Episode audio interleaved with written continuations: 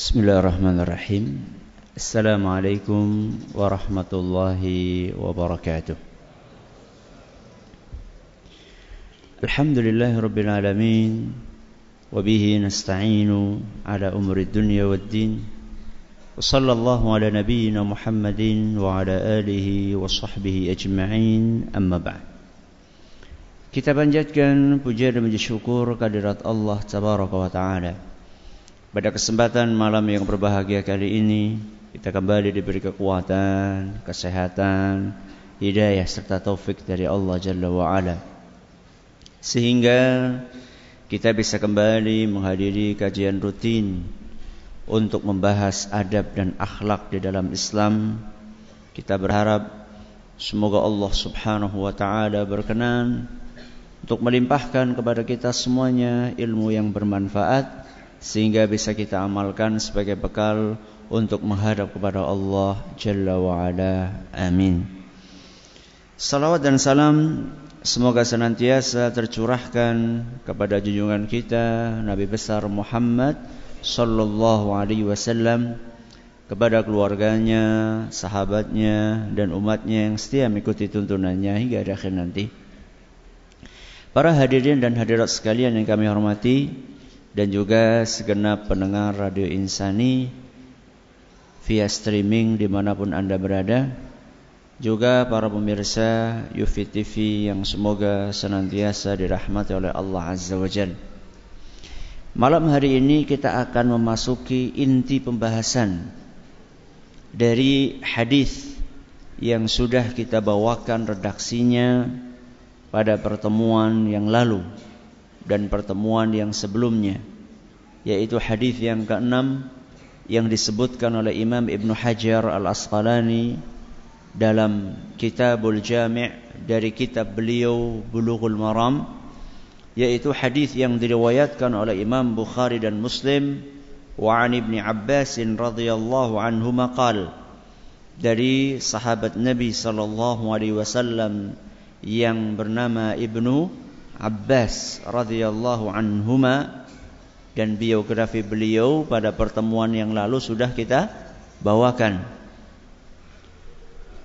Qala qala Rasulullah sallallahu alaihi wasallam beliau berkata Rasulullah sallallahu alaihi wasallam bersabda Idza akala ahadukum ta'aman kalau salah seorang dari kalian selesai makan kalau salah seorang dari kalian selesai makan, fala yamsah yadahu, maka hendaklah dia tidak mengusap tangannya.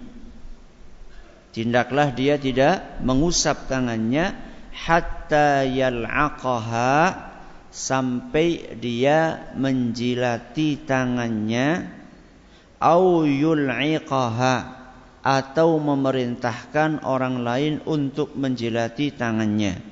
Muttafaqun alaih hadis riwayat Bukhari dan Muslim. Pembahasan tentang hadis ini akan kita bagi menjadi beberapa poin. Yang pertama, kapan etika ini dilakukan? Setelah itu kita akan bahas apa yang dimaksud dengan menjilat. Caranya bagaimana? Siapa yang menjilat? Kemudian kenapa kita disuruh menjilat? Yang pertama adalah kapan adab ini dilakukan? Kalau kita perhatikan hadis yang tadi kita bawakan, Idza akala ahadukum to'aman Apabila kalian selesai makan Berarti etika ini kapan dilakukannya? Setelah makan selesai. Sebelum tangan ini dibersihkan. Dibersihkan entah dilap pakai tisu atau dibersihkan dengan air alias dibasuh entah pakai sabun atau tidak. Jadi waktu penerapan adab ini adalah setelah selesai makan. Bukan kok makan sebentar dijilat. baru dapat berapa apa? Suap dijilat. Bukan. Dan nanti kita akan jelaskan bahwa menjilati tangan ini ada maksudnya. Bukan sekedar menjilat saja. Jadi orang yang baru satu suap, dua suap menjilat, setelah itu makan lagi, setelah selesai makan dia tidak menjilat, dia tidak mendapatkan sunnah Rasul SAW. Karena waktu penjilatan itu adalah kapan? Setelah selesai makan. Karena ada satu hikmah yang dijelaskan oleh Rasul Shallallahu Alaihi Wasallam kenapa menjilat.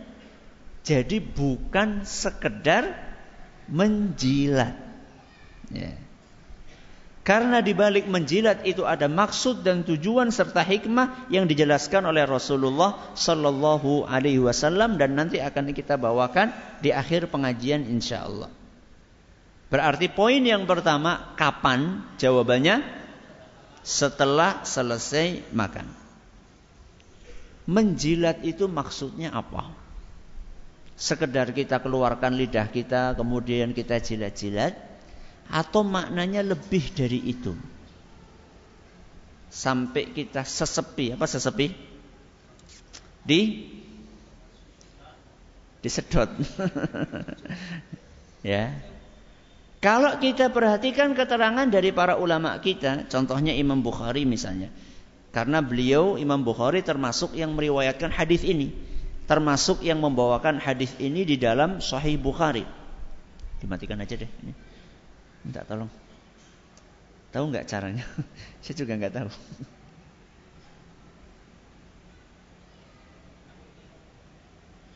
Cabut aja. Nah, selesai. Bingung on off-nya cabut aja. Sampai mana tadi? Imam Bukhari. Imam Bukhari itu beliau termasuk yang membawakan hadis ini di dalam kitab Sahih Bukhari. Dan Imam Bukhari ini kalau pengen mengambil sebuah kesimpulan dari sebuah hadis, maka beliau akan tulis kesimpulan itu di dalam judul bab. Di dalam judul bab. Jadi kesimpulannya setelah beliau bawakan hadisnya atau ketika beliau meneliti hadis ini, beliau akan simpulkan apa makna dari hadis ini dan hukum yang dikandung di dalamnya di dalam judul babnya maka beliau akan mengatakan bab anu.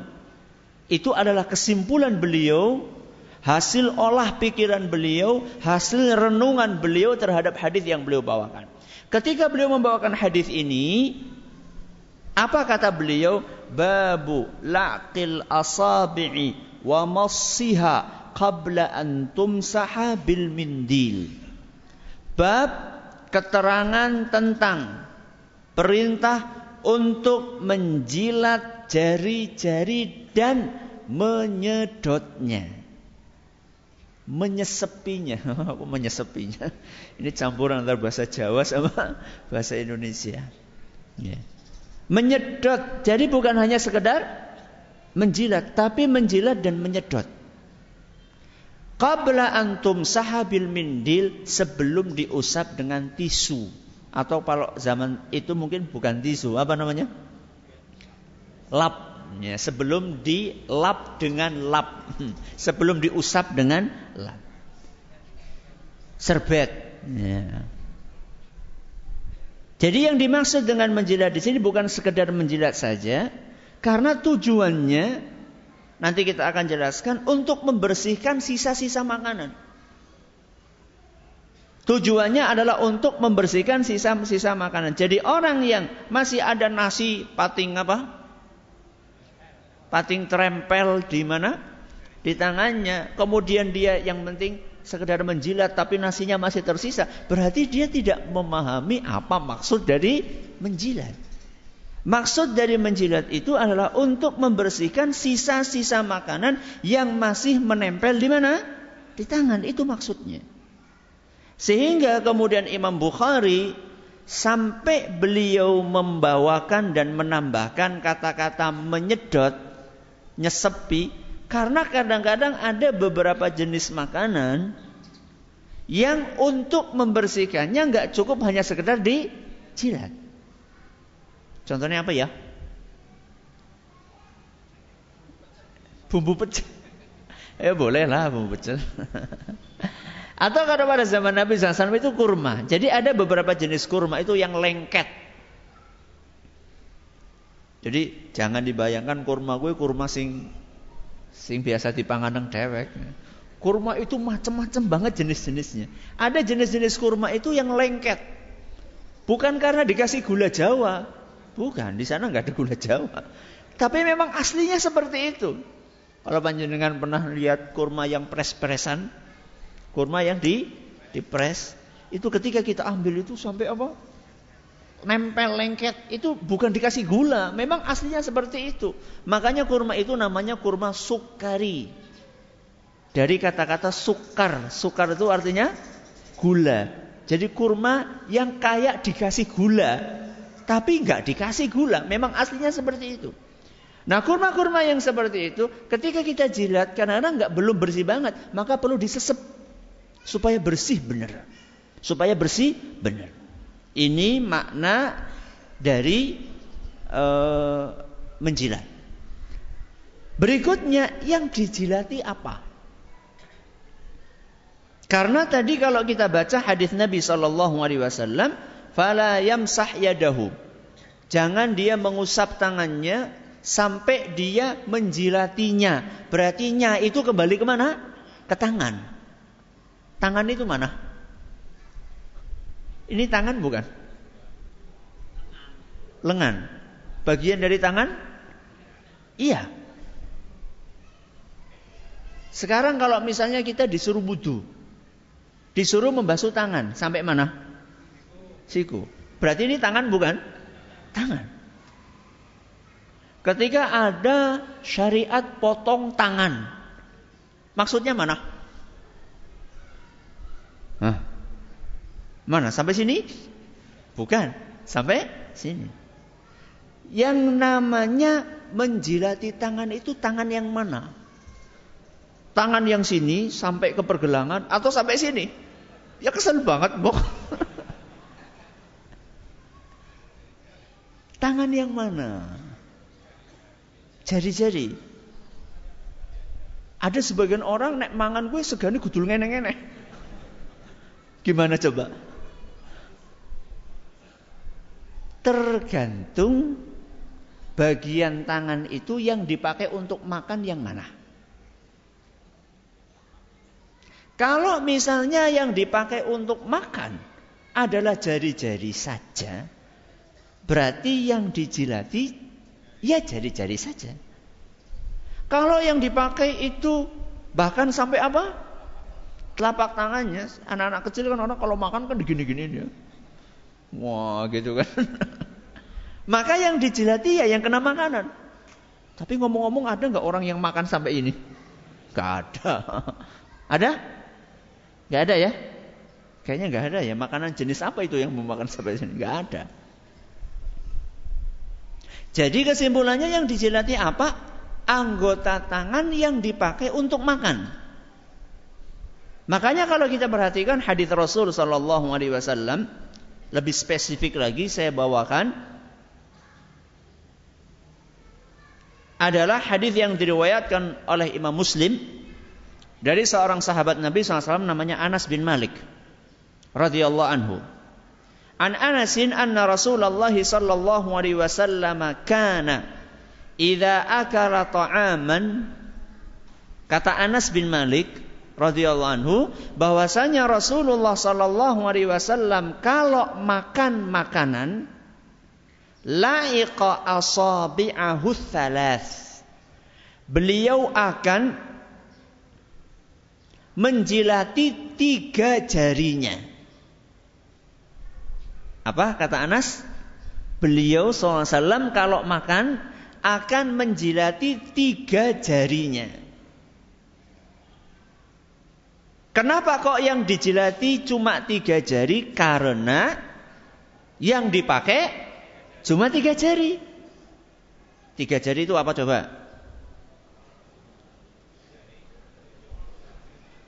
Tiga jari ini atau ini atau ini? Atau ini?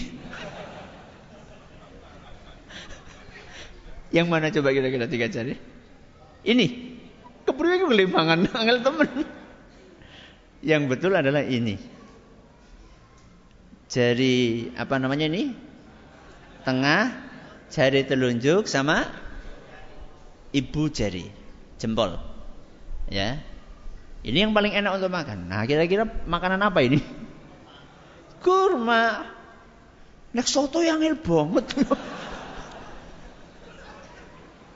Apa mending jangan bening. ya. Makanya ketika kita membaca hadis ini bahwa Nabi SAW itu ini di luar tema sebentar ya. Ini kita keluar tema sedikit mumpung lagi lewat tentang tiga jari. Ada sebagian orang membaca hadis ini mengatakan nggak boleh makan lebih dari tiga jari. Karena Rasulullah SAW makan pakai tiga jari. Nah kita harus melihat makanan yang kita makan apa. Ya. Makanya ketika kita membaca hadis Nabi SAW, sangat penting sekali kita juga membaca keterangan para ulama tentang hadis itu yang biasa disalah yang biasa diistilahkan dalam literatur pesantren dengan syarah hadis. Apa? Syarah. Syarah itu dari kata-kata syaraha yashrahu syarhan. Yaitu penjabaran, keterangan, penjelasan dari para ulama. Mari kita baca misalnya keterangan dari Imam Nawawi rahimahullahu taala. Wa fihi istihbabul akli bi asabi'. Hadis yang tadi kita baca menunjukkan disunahkannya makan pakai tiga jari. Wala yadhummu ilaiha rabi'ata wal khamisata illa li'udhrin. Dan hendaklah dia tidak nambah jumlah jarinya. Alias mencukupkan dengan berapa jari? Tiga jari. Tidak menambah jadi empat atau lima illa li'udhrin kecuali ketika ada kebutuhan. Beliau kasih contoh bi an yakuna maraqan wa ghairuhu. Contohnya kebutuhan itu ketika makanan itu berkuah. Jadi jangan dipikir makanan berkuah itu cuma di Indonesia saja. Mungkin ya bukan soto di sana. Di Indonesia soto memang. Akan tetapi di sana juga ada makanan berkuah. Maksudnya di kalangan orang Arab juga ada makanan ber, berkuah. Mimma la yumkinu bisalasin. Yang memang tidak memungkinkan untuk dimakan hanya dengan tiga jari saja. Maka apa yang disampaikan oleh Menawawi ini memperjelas Kenapa disuruh untuk memakai tiga jari? Karena makanan yang dimakan dikonsumsi sama Rasul saat itu memang hanya membutuhkan berapa? Tiga jari. Kalau lebih dari tiga jari itu menunjukkan adanya satu tipe yang ada dalam diri orang tersebut yaitu tipe tipe apa kira-kira? Cukup pakai tiga jari tapi jugutnya nganggo lima jari bahkan pakai kayak gini. Itu apa itu? Serakah atau bahasa lainnya R A K U S alias rakus. Ya. Seperti orang ngambil kerupuk marem gitu ya. ya kalau memang bisa pakai tiga jari ya pakai tiga jari. Ustaz ben akeh nah gue masalah. Tanggane urung oleh. Ya. Apalagi kalau makan kan ada anjuran ya makan bareng-bareng gitu ya. Di situlah akan terlihat ujian orang yang rakus dengan yang tidak. Loh, ya orang kebagian. Ya kebagian-kebagian, cuman lebih sedidik gitu aja. ya. Kembali kepada tema kita. Masalah apa tadi? Masalah menjilati. Rasulullah Shallallahu Alaihi Wasallam menjilati tiga jari karena memang yang dipakai oleh beliau adalah tiga jari. Tapi ketika makannya lebih dari tiga jari, bahkan mungkin kita membutuhkan telapak tangan ini, maka yang dijilati ya yang dipakai itu. Tayyib. Sekarang tiga jari ini ada beberapa keterangan dari hadis Rasul SAW bahwa tiga jari ini ada urutannya ketika menjilat. Ada urutannya ketika menjilat. Kira-kira dari mana dulu? Jempol disit, apa ini dulu, apa ini dulu kira-kira? Tengah. Kenapa kok tengah? Paling dawa. Terus kenapa naik paling dawa?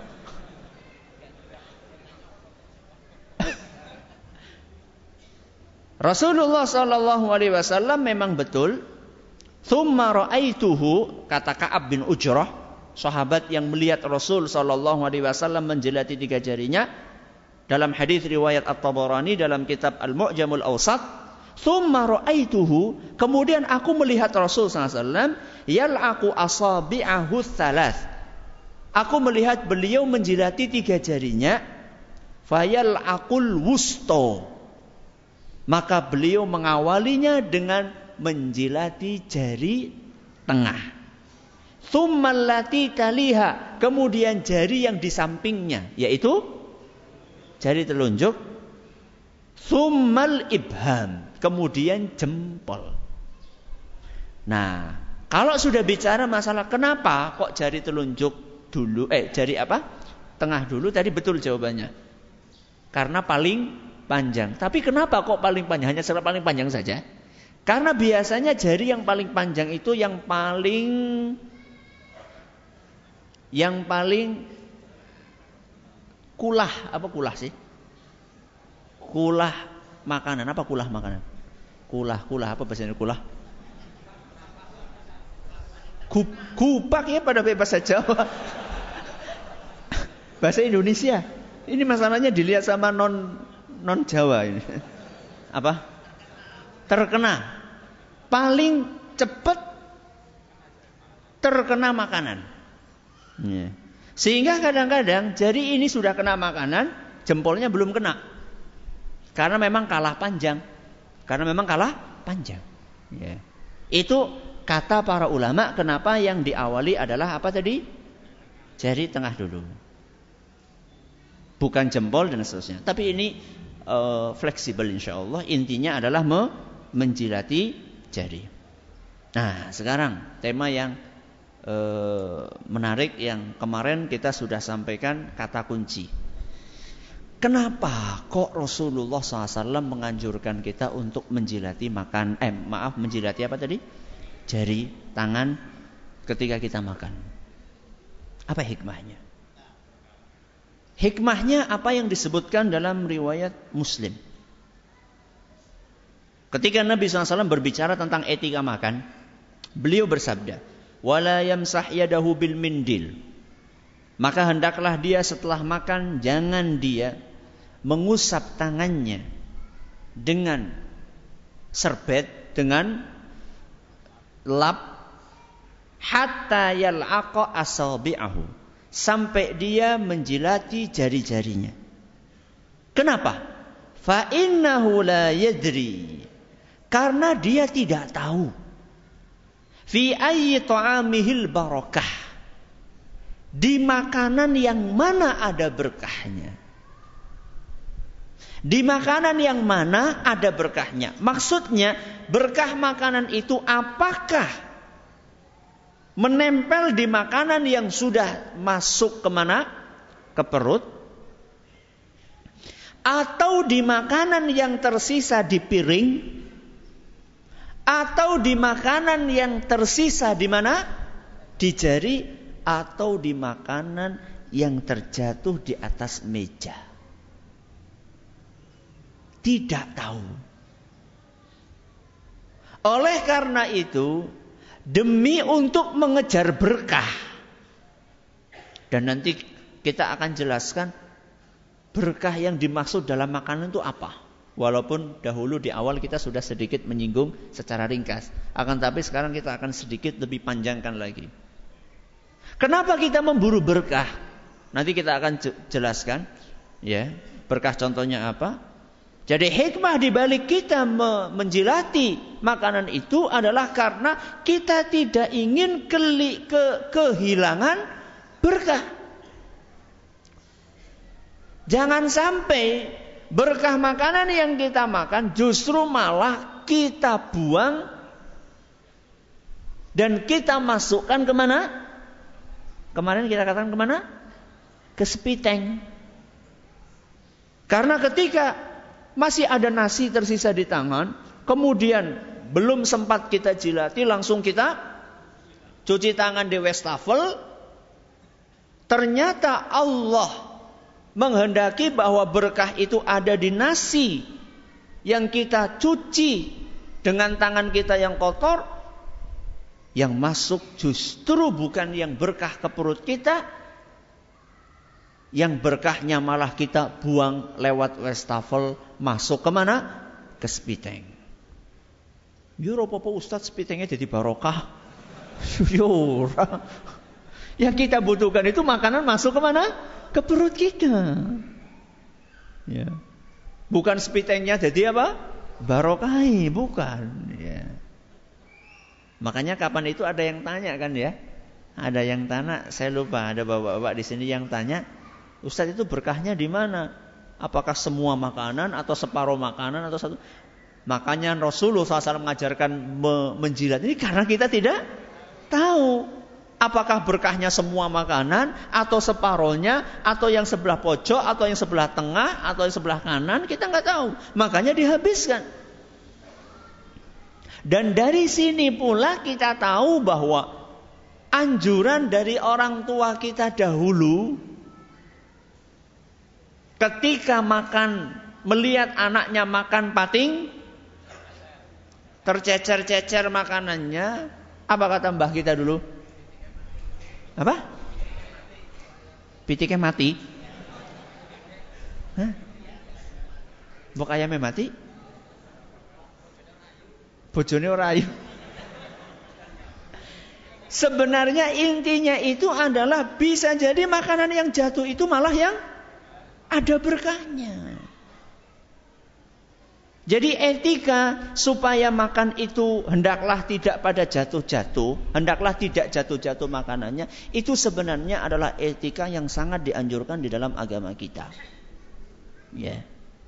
Makanya di dalam agama kita dianjurkan kalau makanan jatuh itu diambil. Ya. Ustaz nanti kalau kena kuman gimana Ustaz?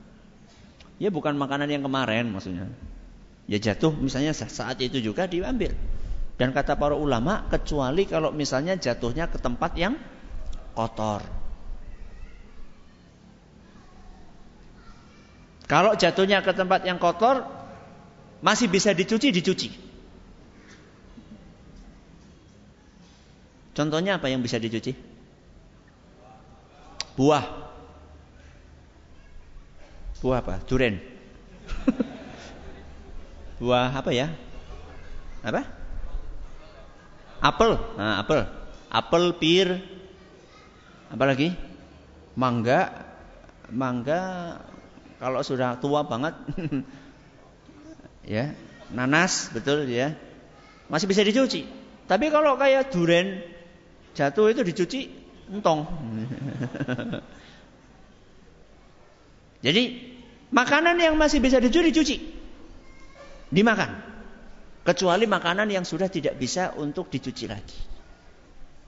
Terus kalau tidak dicuci, diapain? Perhatikan kata para ulama, hendaklah dikasihkan kepada hewan ternak. Subhanallah. Jangan dibiarkan disapu, dibuang ke tempat sampah begitu saja. Ini loh subhanallah agama kita ini. Sebelum orang-orang barat berbicara tentang oh, apa namanya itu? Me, mengirit energi dunia ya. Sebelum mereka bicara tentang kita ini harus ngirit energi dunia, Nabi SAW itu sampai makanan sekecil itu sudah diajarkan Kalaupun kamu nggak bisa ngambil karena satu dan lain hal, maka hendaklah engkau kasihkan itu kepada hewan pilihanmu dan jangan kamu biarkan itu untuk setan. Ya. Saya biasanya kalau makan di rumah makan sama anak-anak itu uh, kan biasanya makan ayam, kemudian masih ada sisa apa? Sisa tulang-tulang, ada sedikit daging-daging. Saya bilang, ayo anak-anak dibungkus, dibungkus, dibungkus. Kelihatannya toh uh, yang apa namanya, yang jaga, wuh, nanti balung-balungin tong.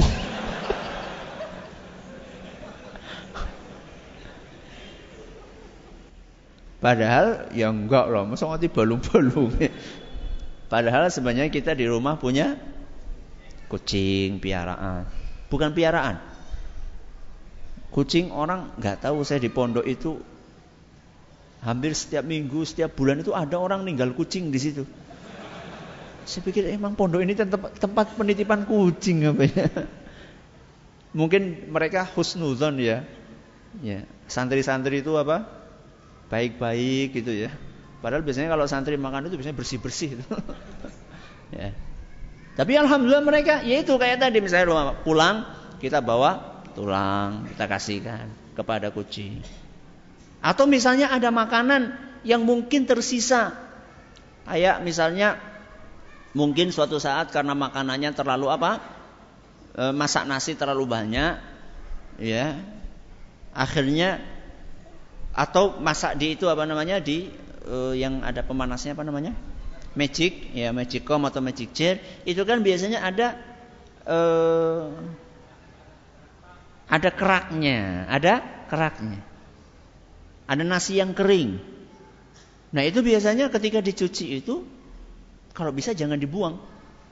Kalau bisa jangan di jangan dibuang. Setelah direndam ya setelah direndam supaya enak apanya? Enak membersihkannya, mencucinya, maka nasinya kalau bisa jangan dibuang. Taruh di mangkok sama dengan sayur-sayur yang lainnya. Nanti begitu ada ayam kasih ke ayam. Wah, itu ayam nyong Ustaz. Jauh apa-apa. Ya. Ayamnya tetangga tidak ada masalah. Kira-kira ngasih ngasih ay makan ayam tetangga dapat pahala nggak? Dapat pahala enggak? Rasulullah SAW mengatakan, Fi kulli kabidin rotbin ajrun. Setiap engkau memberi makan makhluk hidup, maka engkau akan mendapatkan pahala. Jangankan ayam tetangga, anjing kehausan saja ketika dikasih minum itu bisa menyebabkan orang yang ngasih minum itu masuk surga.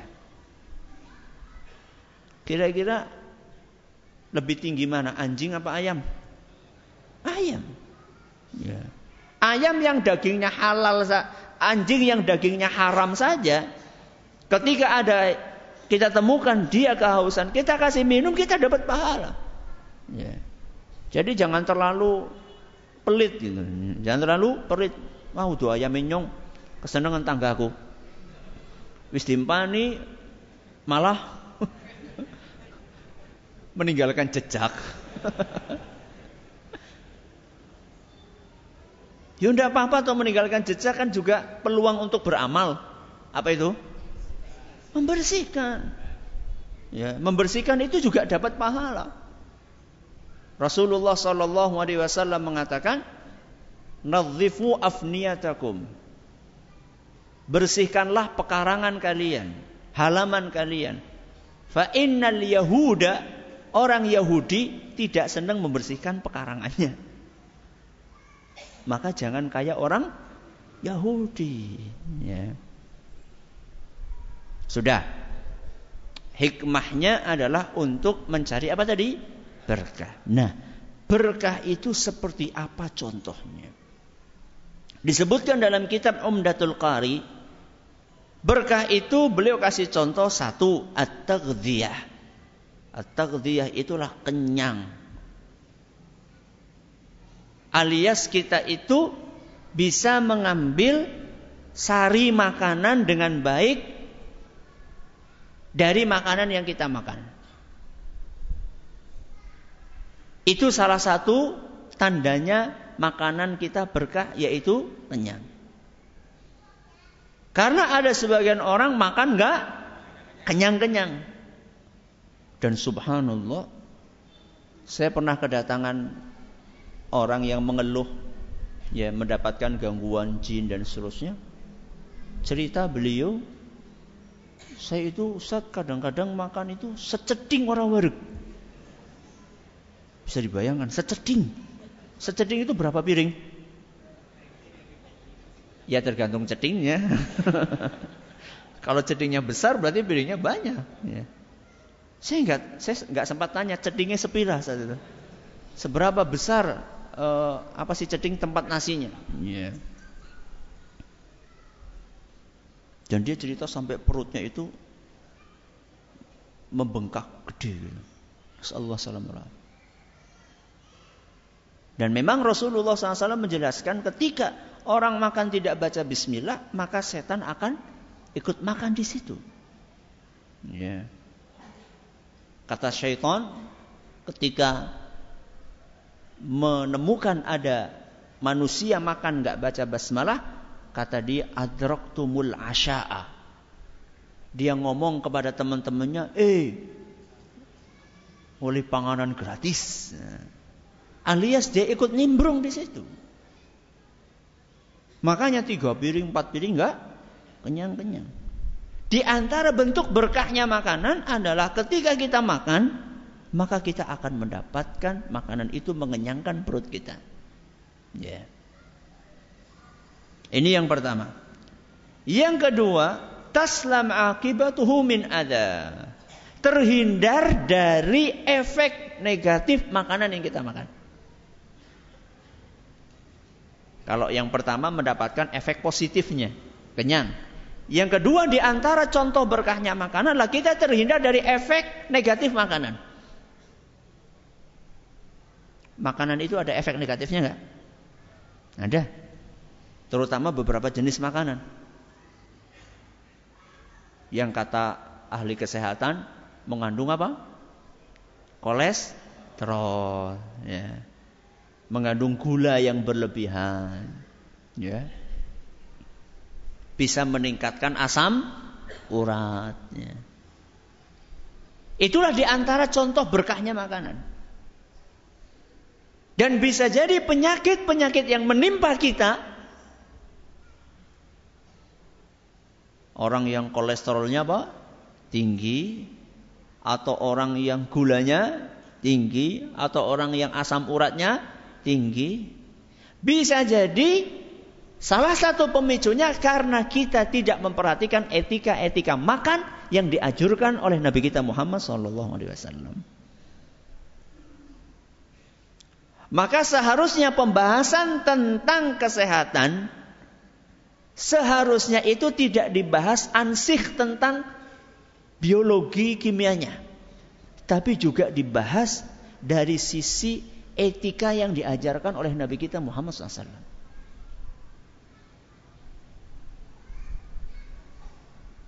Tahu nggak Rasulullah SAW selama hidupnya sakit berapa kali? Pernah. Berapa kali? Satu atau dua kali. Usia beliau berapa? 63 tahun. Saya pernah e, bahas masalah ini tentang tentang kesehatan Rasul SAW dalam sebuah kajian judulnya Sehat Jasmani Rohani. Kenapa tidak? Itu saya sampaikan di Masjid Agung Purbalingga. Kayaknya masih ada rekamannya insya Allah di yufit.tv atau bisa dicari di YouTube. Sehat jasmani rohani. Di situ kita bahas bagaimana Rasulullah SAW makan, mulai dari posisinya, kemudian porsi makannya, kemudian jenis makanannya. Ternyata ketika itu dilakukan,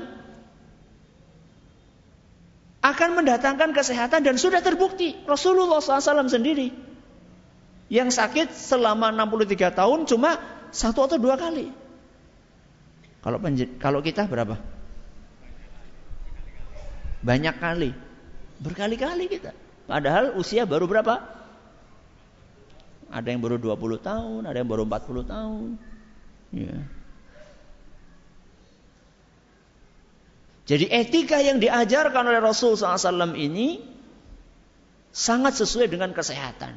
Jadi jangan cuma kalau kita cuma melihat oh gizinya ini kurang gizi ini kurang gizi ini coba saya tanya makanan yang dimakan oleh Rasulullah SAW dengan makanan yang kita makan saya tanya lebih empat sehat lima sempurna makanannya siapa?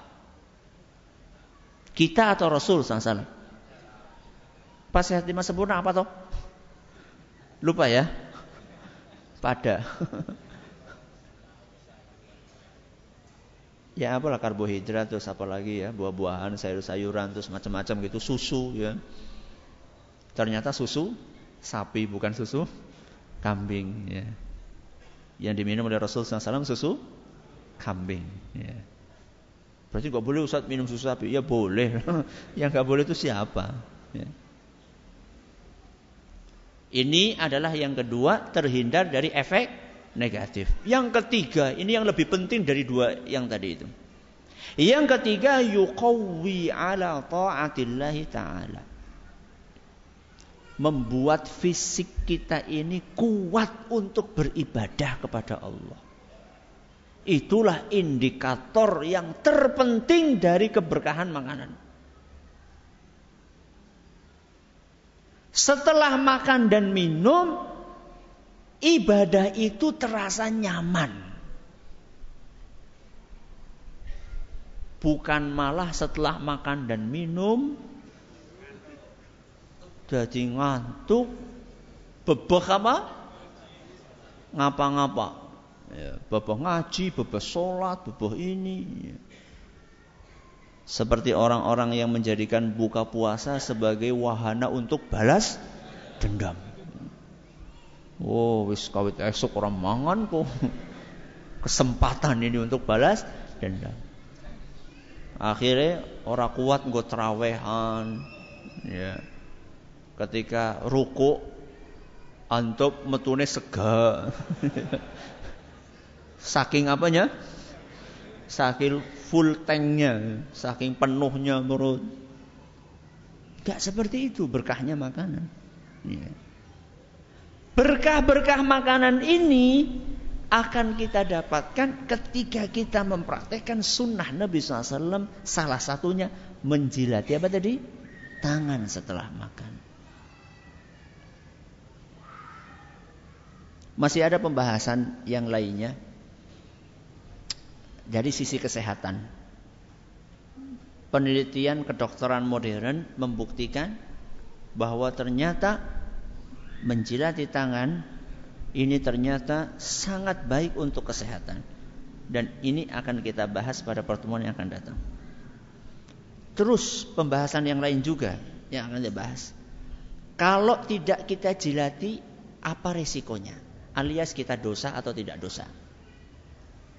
pembahasan yang lain yang masih akan kita bahas pada pertemuan yang akan datang. Kalau misalnya kita jilati terus membuat orang jadi hi gitu. Itu bagaimana? Terus kasus yang kalau tidak dia jilati dijilatkan kepada orang lain. Orang lain itu siapa? Ternyata pembahasannya sih banyak. Dan gak cukup kita bahas hari ini. Insya Allah kita akan bahas pada pertemuan yang akan datang. Sudah terdengar suara adzan, silakan. Alhamdulillahirrahmanirrahim. Wassalamu ala Muhammadin wa ala Kita akan ringkas apa yang sudah kita sampaikan pada pertemuan barusan. Yang pertama, etika menjilat tangan setelah makan ini dilakukan kapan? Setelah selesai makan, bukan di tengah-tengah makan. Kemudian poin berikutnya makna menjilat. Menjilat bukan hanya sekedar menjilat tapi juga seandainya makan itu memang perlu untuk lebih bersih lagi tangannya, maka bukan hanya menjilat tapi juga bisa diiringi dengan apa tadi? Menghisap. Apa yang dijilat dari tangan ini? Apa? bagian tangan yang dipakai untuk makan. Bisa jadi jari, bisa jadi sampai telapak. Kalau yang dipakai cuma tiga, berarti ya cuma tiga jari. Dan tiga jari yang dipakai oleh Rasul SAW adalah jari apa tadi? Jari tengah, jari telunjuk dan jari ya, ibu jari. Dan ketika Rasul SAW menjilati, maka beliau mengawali dengan jari tengah, kemudian telunjuk, baru jempol. Hikmah dibalik menjilat jari-jari ini adalah dalam rangka untuk mendapatkan keberkahan makanan karena kita tidak tahu di mana berkah itu Allah limpahkan di dalam makanan yang kita makan. Apakah dimakan yang sudah masuk ke perut atau yang masih tersisa di tangan. Dan kita kasih contoh tadi tiga contoh makanan yang berkah. Yang pertama mengenyangkan, yang kedua terhindar dari efek negatif makanan, yang ketiga menguatkan fisik untuk beribadah kepada Allah Subhanahu wa taala. Ini adalah ringkasan materi yang tadi kita sampaikan. Kalau ada yang mau bertanya silahkan. Kalau misalnya kita makan sampai terlalu kenyang sehingga nggak habis, dikemanakan makanan tersebut? Dikemanakan makanan tersebut? Pertama, sebelum kita membahas masalah kelebihan atau makanan yang tersisa, kita perlu bahas terlebih dahulu bahwa seorang muslim ketika akan mengambil sesuatu, maka hendaklah dia memprediksikan kebutuhannya seberapa. Apakah satu dia sedang lapar banget atau dia sedang setengah lapar atau sepertiga lapar. Maka ketika dia ngambil nasi, ambillah sesuai dengan kebutuhannya sehingga bisa dihindarkan makanan yang berlebihan. Ini yang pertama. Yang kedua, kalau ternyata sudah kita prediksikan, ternyata prediksi kita kita prediksi kita meleset, akhirnya kelebihan makanan. Dikemanakan makanan tersebut? Kalau memang makan itu masih bisa disimpan, untuk dimakan di waktu berikutnya maka disimpan. Contohnya kayak apa Ustaz? Roti. bisa disimpan, buah bisa disimpan. Tapi kalau misalnya nggak bisa disimpan karena sudah terlanjur kena tangan, kalau disimpan nanti apa? Basi. Kalau memang Anda yang mau menghabiskan kakak kita, adik kita, istri kita, suami kita, anak kita, kalau mereka belum makan kasih mereka. Kalau ternyata nggak ada juga, semuanya juga sudah kenyang, maka dialokasikan untuk hewan ternak atau binatang, mau kucing, mau tapi ya yang memang mak makanan itu cocok untuk hewan tersebut. Ya. Jadi jangan sisa sayur dikasih kucing. nggak matching.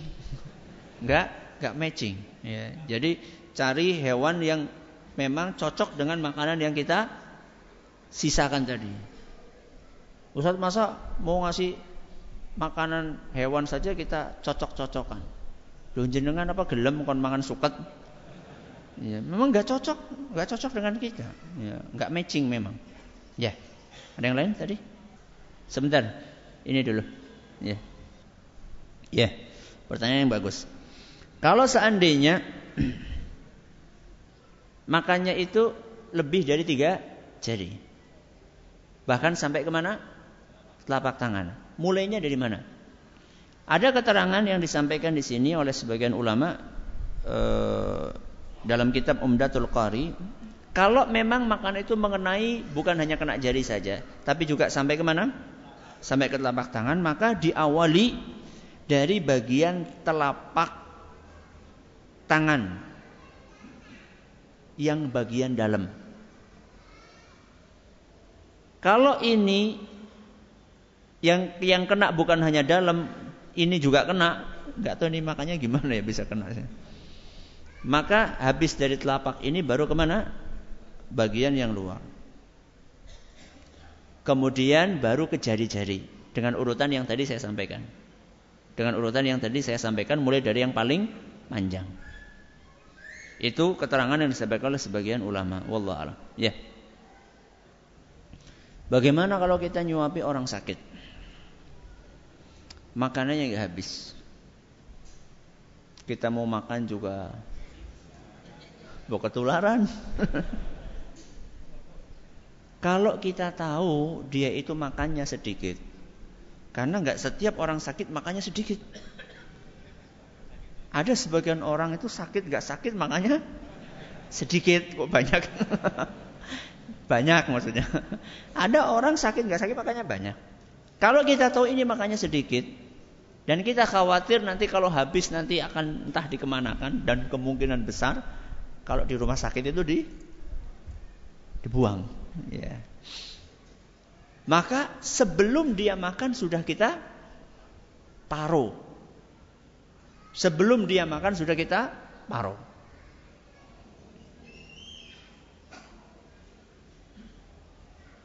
Yaitu kita sisihkan makanan yang Kira-kira dia makannya seberapa?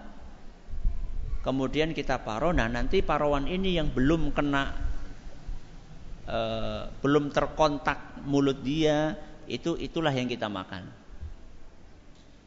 Ya.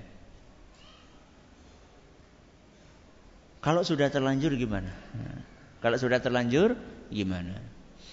Kalau sudah terlanjur maka wallahu alam bisawab bisa jadi saya salah dalam menjawab ini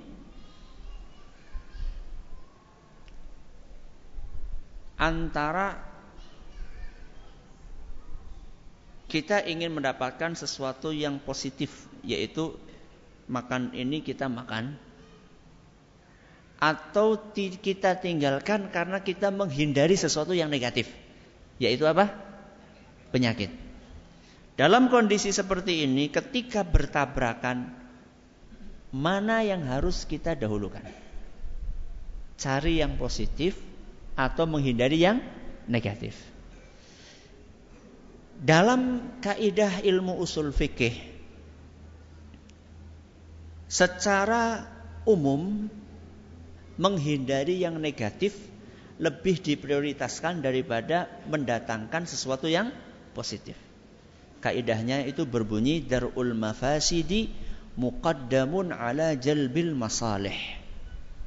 Menghindarkan mafsadah lebih diprioritaskan daripada mendatangkan maslahat. Maka mungkin dalam kasus seperti ini, wallahu alam bisa jadi saya keliru. Kalau keliru tolong diperbaiki. Ya tidak dikonsumsi. Tidak dikonsumsi kalau kita tahu penyakitnya ini menular. Tapi kalau nggak menular ya, apa ya contohnya mereka menular?